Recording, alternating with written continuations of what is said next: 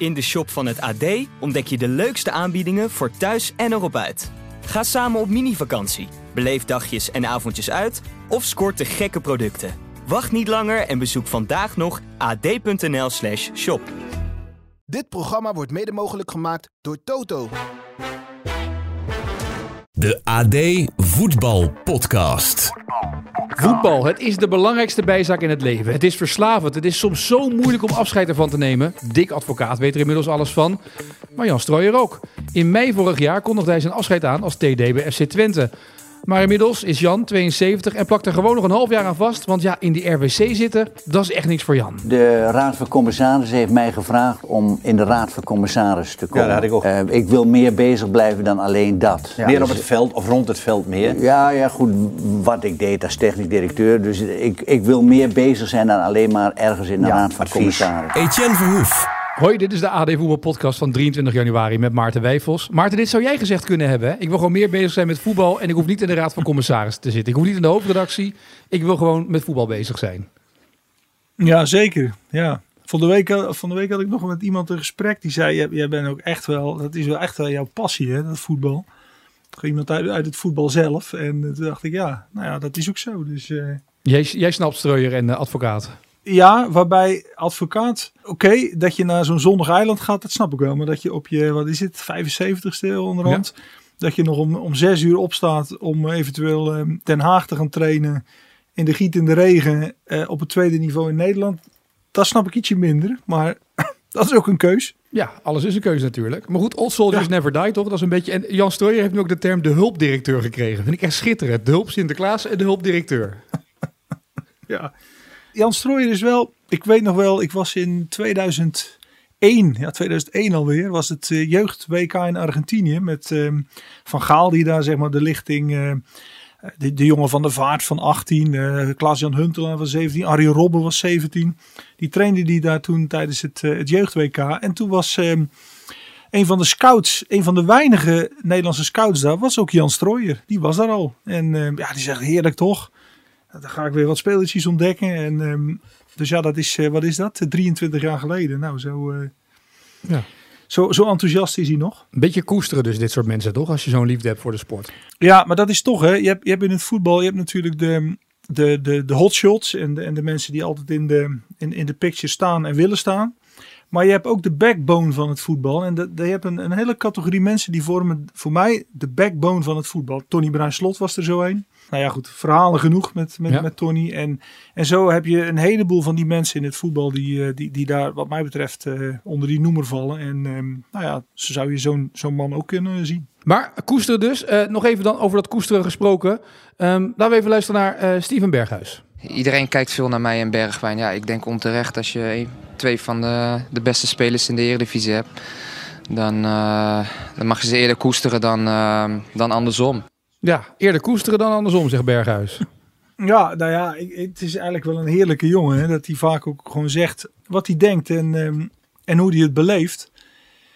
En ja, kijk, dat koesteren, dat is natuurlijk tot op zekere hoogte, is dat zo. Maar ja, er zijn wel momenten geweest dit seizoen dat, dat, dat je ook kijkt naar de kopstukken in de elftal. En dan zou ik vooral naar Bergwijn willen kijken, die dan toch ook de aanvoerdersband draagt. Ja. Daar mocht wel ietsje meer van komen, toch? In, ehm, ook, ook in, ja, in, in, in het, het uitstralen. Ja, kijk, kijk naar bijvoorbeeld, hè, ik had dit, dit weekend een interview met Noah Lang in de krant. Die, en dat heeft Peter Bos bij PSV ook eerder gezegd. Noah Lang heeft altijd zin om te trainen. Straalt een soort, soort energie uit naar de andere spelers. Dus als, er dan, ehm, als hij dan geblesseerd is. Normaal neemt Bos nooit geblesseerde spelers mee naar een, naar een Europese uitwedstrijd. Maar Noah Lang vroeg het. En toen zeiden ja, jij bent de eerste voor wie ik een uitzondering ga maken. Want ja, het, het, het, het helpt de groep wel als, eh, als jij erbij bent. Dat wil je dan zien. En ehm, wat dat betreft eh, komt er natuurlijk ook wel iets be- meer bij kijken. Ja. Dus eh, Maar je mag van, Maar- je mag van Verdettes ook meer verwachten, toch? Dus het is toch logisch dat er van dit soort jongens meer wordt verwacht Ja. dan van de waterdragers? ja, dat is ook zo. Waarbij het natuurlijk wel zo is, dat is de andere kant. In ja, de kwaliteitsarme selectie die ze bij Ajax hebben, ehm, is het ook wel een beetje te veel gevraagd. Dat Bergwijn en Berghuis, om een Berghuis dan te blijven, dat die, dat die dan heel vaak het verschil gaat maken. Dat, dat, dat is te moeilijk. Dan moet je met, met een groepje van, van spelers zijn die dat kunnen. En misschien dat als Henderson erbij komt, dat zal deze jongens wel iets helpen. Want dan is er in elk geval weer één andere speler waarop de rest ook een beetje kan leunen. Want dat, dat is wat er moet gebeuren natuurlijk daar. Ja, nog even terug naar het interview van Noah Lange dat jij had met hem. En die zin van uh, dat geblesseerde spelers normaal door Bos niet meegenomen worden naar een uitwedstrijd. Waarom eigenlijk niet, vroeg ik me gelijk af. Want juist jongens die zo'n afstand hebben tot de groep, kan, je ook, kan ook heel louter ontwerken dat ze wel met dit soort wedstrijden mee kunnen.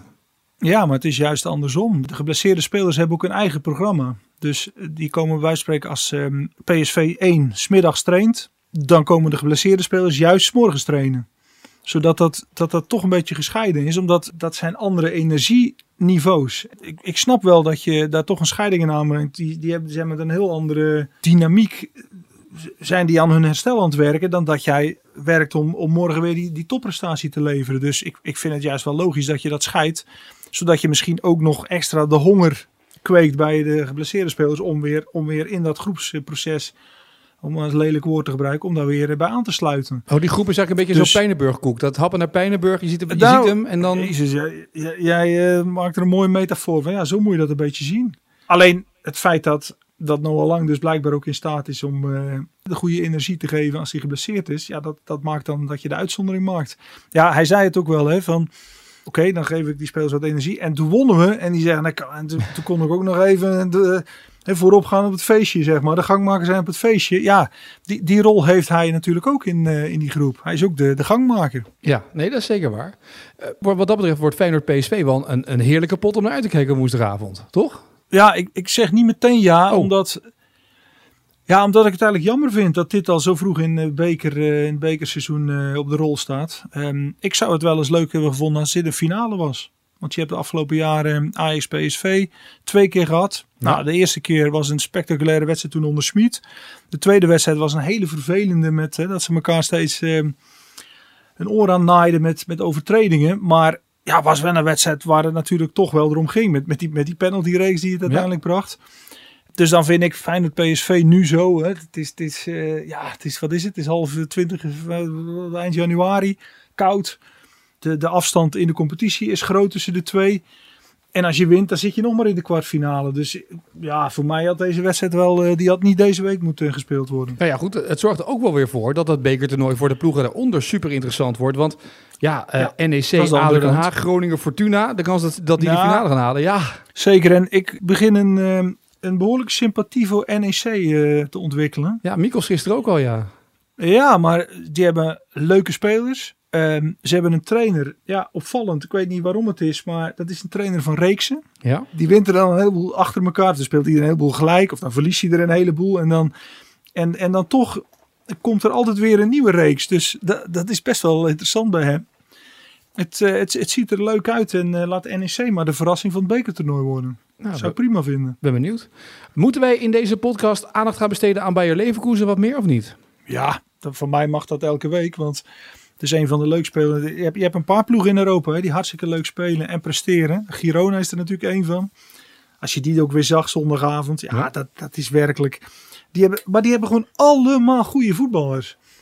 Allemaal jongens, balletje aan de, aan de voet. Er gaan geen rare dingen. Ze hebben allemaal inzicht. Eh, ze hebben daar een paar Oekraïners voor inlopen. Nou, ik mag niet hopen dat het Nederland zelf wel die treft op het EK. Want dan kun je nog, uh, ja, dan kun je nog lachen in, uh, in, in, in de verkeerde zin van het woord. Ja. En, um, maar, maar Bayer Leverkusen is natuurlijk ook razend knap. Want ze hebben nu wat, uh, wat, wat spelers op de Afrika Cup. Dus ze zijn echt wel um, gehandicapt. En vervolgens lopen ze in de Bundesliga alleen maar verder uit. Ja, als er toch een moment is om de hegemonie van Bayern München te doorbreken. Ja, dan is, dan is dit elftal met deze trainer daar wel toe in staat. Ja. Alleen, uh, ik weet nog wel in de periode dat Peter Bos daar trainer was. Toen hoorde hij ook voor het eerst, wat ja, de bijnaam van Bayer Leverkusen is Bayer Leverkusen never nooit. Uiteindelijk komen ze net altijd tekort. Omdat, ja, het is een club. Het mag, maar het hoeft allemaal niet per se. En dat breekt ze toch een beetje op. Ze hebben nog bijna nooit wat gewonnen in de clubhistorie. Dus het is dan de vraag, ja, als het echt uh, tot een tweestrijd zou komen, zijn zij dan in staat om die hegemonie te doorbreken? Ook al omdat je vorig seizoen hebt gezien, de laatste wedstrijd van het seizoen, Dortmund ja. kon kampioen worden. Precies. Ik was erbij toen het echt gigantisch misging. En ja, dan, dan, dan zie je dat dat is een litteken voor, uh, voor, voor, jaren nog. Ja, kampioen worden moet je ook leren worden, hè? FC Twente en AZ Nou, AZ trouwens heeft het moeten leren, klopt. Precies. Nee, de, de wedstrijd op Woudenstein, Ja. helemaal waar. Twente is het wel toen, eh, in één keer de kans die er lag, hebben ze gegrepen. Maar ja, het kan wel zijn dat het inderdaad, eh, dat je dat ook, eh, die laatste haltes, eh, dat je dat tot een goed einde moet brengen. Maar hoe doe je dat als coach ook? Hè? Want je hebt, nog een, je hebt nog een half seizoen te gaan ongeveer. En je ziet die voorsprong op Bayern München. En iedereen heeft het over, zou het dan kunnen dat die hegemonie Ja, eindelijk wordt nou ja. doorbroken? Ja, dat klopt. En, en ja, het, het wordt een van de interessante ploegen om, eh, om de rest van dit seizoen te volgen. Ook omdat er natuurlijk een international eh, zit. Ja. En nog een tweede Nederlander trouwens die nooit speelt, Fosu Mensa. Maar ehm, En wat maakt hun spel nou zo bijzonder dat jij er zo plezier, met zoveel plezier naar kijkt? nou ja, zij spelen, dat was onder, onder Bos al zo. En, en zelfs onder Roger Schmid daarvoor. Zij spelen met de intentie om de eerste bal zoveel mogelijk vooruit te spelen. Ja. En als je zag hoe ze, hoe ze dat Leipzig, eh, Leipzig speelde thuis, hoe ze die in de slotfase ook nog omsingelden. Gewoon echt eh, een positiespel op de helft van Leipzig en daar dan nog weer de helft van. Ja, dat, dat, is, dat is toch wel fraai om te zien. En ehm, ja, ze hebben daar natuurlijk ook, ze hebben Florian Wiertz, een van de grootste eh, talenten van Europa. Hè, die, die speelt daar ook. En eh, ze doen ook goede aankopen. Victor Bonifaz, dat is nu natuurlijk er niet bij. Maar die kwam van Union Sint-Gilles. Ja, dat wordt ook weer een geweldige speler voor de, voor de toekomst van voetbal. Dus ehm, het is een genot om ze te zien. Ja, dat is eh, mooi. Eh, Overigens, zometeen eh, moeten we even praten over de inworp. Maar eerst ook nog even hebben over jouw bijnameactie voor Oranje. Hoe ver ben je nu? Hoe ver zit je nu met de selectie? Ha. Nou ja, mensen hebben het misschien gehoord. Afgelopen weekend ehm, was ik de gast bij Spijkers met Koppen. En dat werd ja, volgens mij echt wel, wel een leuk item met Dolf Jansen. Die dat natuurlijk op, als geen ander kan, eh, Ja. kan, kan bespelen. Die kan er wel wat mee. Nou ja, hoe ver zitten we? Als ik zo eens een elftal maak, dan, eh, dan komen we best al een eind hoor. Ja? En ehm, ja, ik weet niet eh, of je al wat namen zo moet weten. Maar Nou, zeker. Graag. Ik bedoel, we moeten onze Nou ja. luisteraars ook nog steeds stimuleren om mee te doen. Ja, nou ja, goed. Wat eh, in die uitzending bijvoorbeeld te sprake kwam. eh, je hebt natuurlijk in Italië heb je Andrea Pirlo. Ja. Hè? Die kennen we allemaal als de man die, die de balletjes neerlegt waar hij ze wil hebben. Ja, mooie paas. In Nederland hebben we momenteel bij PSV speelt Joey Veerman. Joey uit Volendam. En ja, iemand opperde. Dan is Veerman natuurlijk de paling Pirlo. Mooi. Ja. Ja, dat vind ik een mooie. Maar bijvoorbeeld ook, ja, Daley Blind. Ja, eh, we kennen allemaal Daley als ehm, een jongen die het spel versnelt met zijn passing. We kennen ook hè, zijn hartprobleem. En toen opperde iemand, ja, Daley Blind, als je daar een beetje een Engels, een Engels verbastering van maakt, dan is Daley Blind is de pacemaker. Ja, dat is natuurlijk een prachtige vondst. Zeker. Want nogmaals, hè, we zoeken het niet in Big Verge en, en, en eh, ja, allemaal van dat soort... de dat dance soort- ook niet, hè? De dance gaat ook niet mee, hè? Nee, joh, allemaal van dat soort slappe, slappe naampjes. Nee, het moet echt iets creatief zijn. Het moet iets, iets, iets meer zeggen over dus de speler, over zijn, zijn, zijn eigenschappen, zijn karakter, zijn... Ja, de, de, de brommer van Barendrecht voor Dumfries. Ja, de brommer van een- Barendrecht vind ik leuk. Ja, dat is hem. Ja, die, ja. Die, die, die, die, die komt ook. En, eh, ja, en, en ik vond ook een aardige Luc de Jong. Hè, met Luc toch met zijn, ehm, met zijn, ja. met zijn wapen in de lucht. eh, ja, Luc de Jong. Luc Waffe. De Luc-waffen. Ja, ja, ja, ja. ja. vind ik toch eigenlijk ook wel, wel iets hebben. En ehm, ja, god, ja, zo, zo, kun je, zo kun je nog wel even doorgaan. Ja, maar Ja. goed. De brommer van Barendrecht is een mooie om eraan toe te voegen. Dat allitereert ook lekker, zeg maar. Ja, Maar ik dacht ja. toch, weet je, je hebt nog een beetje hulp nodig. Dus ik, heb, ik, ik dacht, we moeten er iets aan gaan doen. Dus ik dacht, wie kan ik nou beter even bellen in deze podcast dan eh, de man die, eh, zich, die zich begeeft in de wereld van de bijnamen. Hè? Ik bedoel, ik had even een paar opgezocht. Wat dacht je van El Polaco? Hè? Dat is dan een huurmoord, de, de, moord, de moordmakelaar is dat. Een Poolse moordmakelaar in die zaak rondom Peter R. de Vries. Maar dat is El Polaco. Ja, dat is, beter kan je niet hebben, toch? Dit soort bijnamen. Dus ik dacht, ik ga even collega, collega Jelle Tieleman bellen. Die weet alles van bijnamen om jou een beetje inspiratie op te laten doen... voor eh, de komende dagen nog en de komende weken op weg naar het EK... om wat goede Ja, maar die- bijnamen te krijgen. Daarom, die zit in de wereld van Bolle Jos en zo. Nou ja, en, dan bedoel ik. op. Als er één plek is waar je goed zit, hè, de neus, bolle jos, noem maar op. Dus Ja. eh, even met Jelle bellen om eh, wat nieuwe bijnamen voor Oranje eh, te krijgen. Nee, met Jelle. Jelle, als je dan kijkt naar de, de, de criminele wereld, hè, eh, is er een soort van, van, van voorbode waarop een bijnaam bekend wordt? Eh, nou, dat, dat, daar speelt de media natuurlijk vaak een, een grote rol in. Eh, Ik denk eh, misschien wel een de bekendste voorbeelden, Willem Holleder. Ja. Eh, de neus. Ik denk dat als je nu ergens eh, op straat iemand zou vragen, de neus, dat de meeste mensen zeggen Willem Holleder. Ja, en dat heeft natuurlijk eh, alles te maken met toch wel eh, ja, zijn uiterlijke verschijningsvorm van het, van het reukorgaan. Ja. die is bij Willem inderdaad niet klein. Ehm, en en zo, zo gaan dat soort bijnamen vaak. Ja. Bijvoorbeeld Ridwan Taghi wordt heel vaak in zijn eigen milieu was zijn bijnaam Kleine. ja, en dat, dat is omdat hij relatief klein is. dus vaak hebben dat soort criminele bijnamen echt iets te maken met hoe ze eruit zien. Ja, Bolle Jos heb je natuurlijk nu ook, hè? Dat, is, dat is weer zo'n naam. En de Godfather heb je geloof ik in Den Haag, de, de Haagse Godfather. Ja, dus eh, dan krijg je dus, dat is dan weer natuurlijk een, een, een verwijzing naar, uh, naar de beroemde uh, maffiafilm. Nou, Bolle Jos zal niet zijn omdat hij, uh, omdat hij super slank is. als je zijn foto ziet kun je daar iets bij voorstellen waarom hij die, die bijnaam heeft. Dus ja, dat, dat heeft er echt heel erg mee te maken. Ja. Schelen, dat was volgens mij een bijnaam van, zeg ik uit mijn hoofd, Mierenmet. Ja. nou, die had een brilletje en keek inderdaad behoorlijk scheel. Dus echt in dat verband moet je, moet je denken. Ja, Minka werd dan de denker genoemd hè, vaak. En je had natuurlijk wel meer. De, Klaas Bruinsma, ja. de dominee had je natuurlijk. Ja, dus er zit wel iets in, zeg maar, in die criminele wereld... waar misschien voor die voetballers waar wat van kunnen leren, toch? Om daar een beetje een bijnaam aan te geven. Maar dat moeten we dan gelijk op uiterlijke kenmerken doen... of toch iets verrassender doen? Ja, verrassender is uiteindelijk wel leuker, toch? Een beetje een doordenker. Ja? Ja, die zijn toch leuker. Ja, want de hakkelaar, ja, dat, op dat nou gelijk weer neer te leggen bij Internationals van Oranje is ook zo onaardig hè, op dit moment. Ja, en daarbij heb ik me ook laten vertellen dat dat dus wel meeviel. Hè? Dat, hij dus dat, hij dat, dat hij dat ook geen fijne bijnaam vond. Dus dat hij dat dat stotteren, dat hakkelen, dat dat wel meeviel. Ja, precies. Dus dat, is, dat is misschien een goede disclaimer. Hij hoeft niet altijd te kloppen. Oh, hij hoeft niet altijd te kloppen. Dat is ook wel een aardig inderdaad, ja. Als, soms kan het ook gewoon zeg maar, iets uitvergroot zijn uit de criminele wereld... om het op die manier eigenlijk een beetje wat meer aandacht te geven. Ja, nou, en de beste bijnamen krijg je. Dus die, dat is natuurlijk ook zo. Dus je moet hem niet voor jezelf gaan verzinnen. Nee, de tovenaar van Tatabanya heb je natuurlijk. Maar zijn wij als journalisten daar vooral een soort van... hebben wij daar een rol in om daar wat mee te doen... om dat meer te gaan gebruiken, vind jij?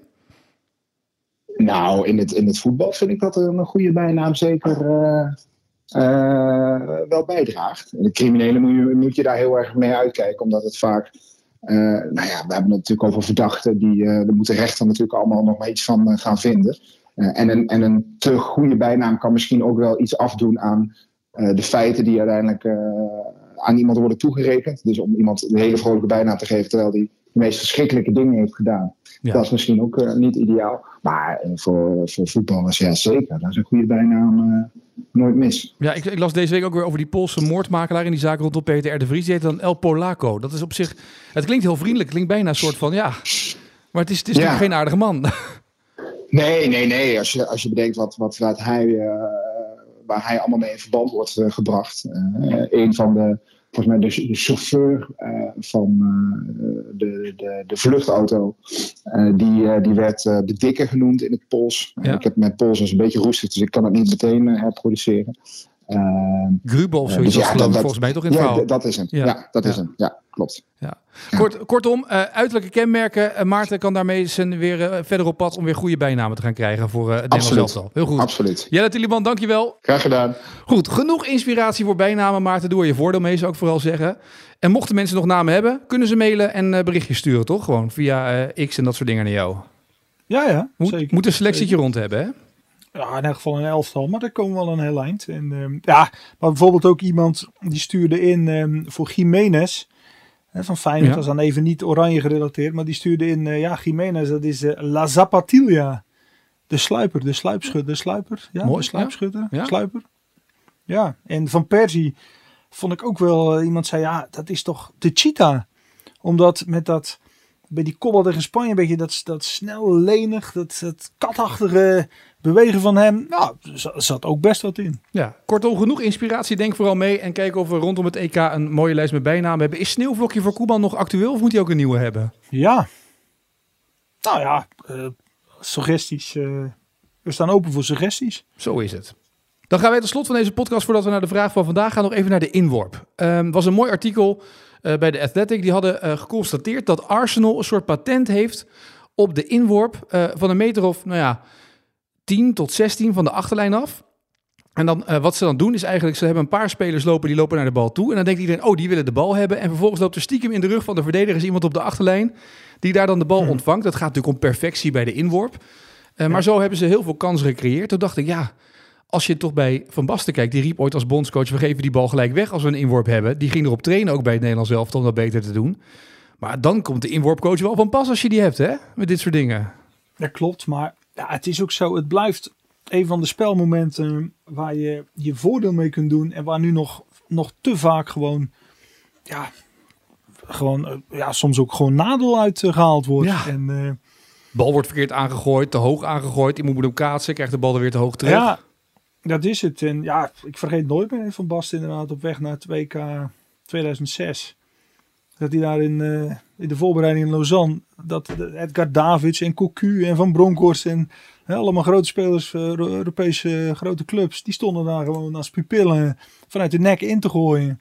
En dan ging het, nee, dat was niet goed. Hè. Dan moest er een ander vormpje of, ja. of een andere variant. En, en daar stonden wij dan op te kijken. En hij is er vol van, hè, van Basten. Daarna, ik kreeg ook wel eens een appje dan. Een hele verhandeling over, ja, maar er is procentueel bekeken zoveel procent van de ingooien in de eerste helft. Die gaan dan naar de tegenstander en zo en zo. Dus die, die, kan daar, die kan zich daar helemaal in verliezen. Nou ja, Arsenal heeft 17% van de inworpen doen zij op deze manier Arsenal in dit gebied. En de rest ja. doet maar 1, 2, 3 procenten. Dus dat is echt best wel een groot verschil. Ja, dat is het. Nou moet ik wel zeggen dat, ook met statistieken... Vorige week had ik ook een gesprek met iemand uit het voetbal. En die overtuigde mij ook weer wat ik zelf ook wel voel. Dat, dat het weer een beetje oppassen is dat we er niet in doorslaan. Want ik zag ook bij Studio Voetbal ook dat ze dan weer allerlei um, extra statistieken bij willen halen. Maar iemand die een paaslijn eruit haalt. Ja.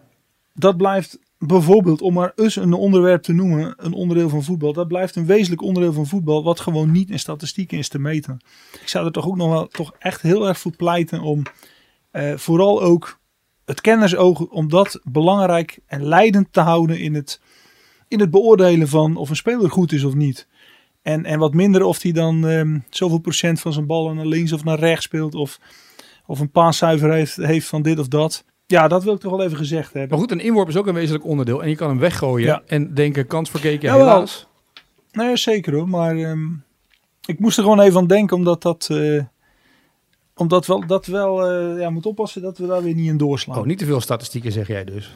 Een beetje is goed. Ja, maar, goed, ja, maar, maar gewoon een, een paar per wedstrijd. Zoals ik wel eens eerder heb gezegd. Trainers kijken naar hoeveel diepteloopjes achter een verdediging per wedstrijd. Kijk, da- dat is wezenlijk.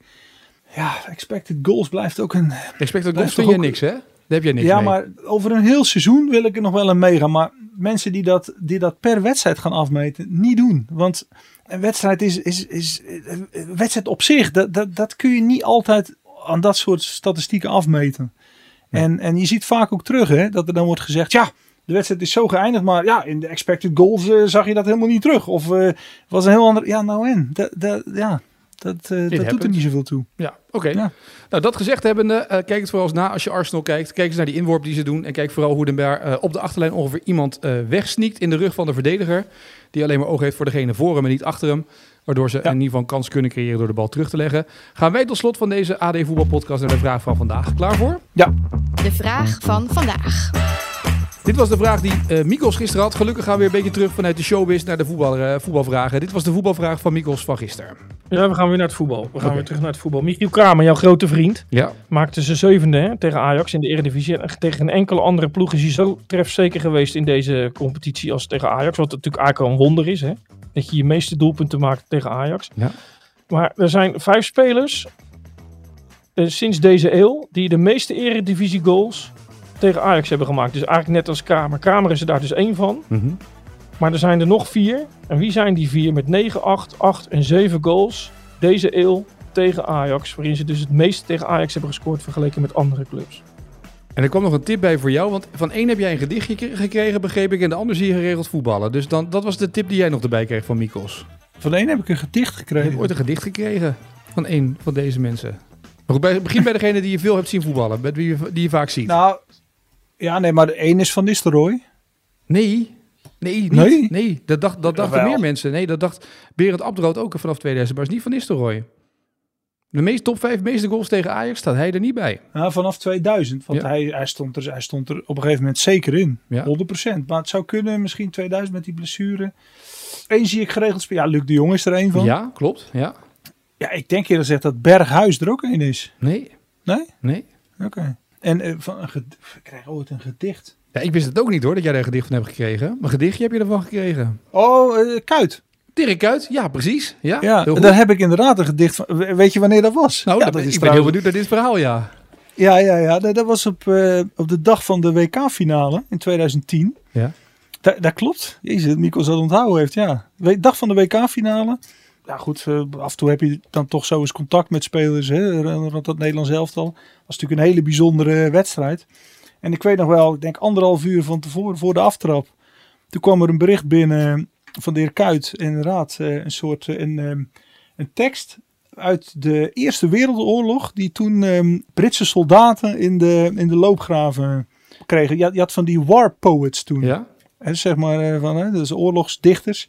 En die, ja, die had inderdaad een, een, een, een gedicht toen van hè, de, de mannen die zeg maar naar de, naar de oorlog gingen en die, die eh, zichzelf moed inspraken van eh, we gaan het doen vandaag. Het, eh, het, het, wij, gaan, wij gaan deze strijd winnen. We hebben dat toen op de, het is zeg maar een dag later bij het wedstrijdverslag van de finale, wat ik toen getikt had, hebben we dat gedicht gezet. Ah, oké. En dat, Ja. heeft- dat stuurde hij Ja. rond, zeg maar even, want dit heeft hij ook in de Nee, nee. kleedkamer. eh, als- nou, dan weet ik niet of hij het of hij meerdere mensen heeft gestuurd. Maar in elk geval aan mij stuurde hij dat toen.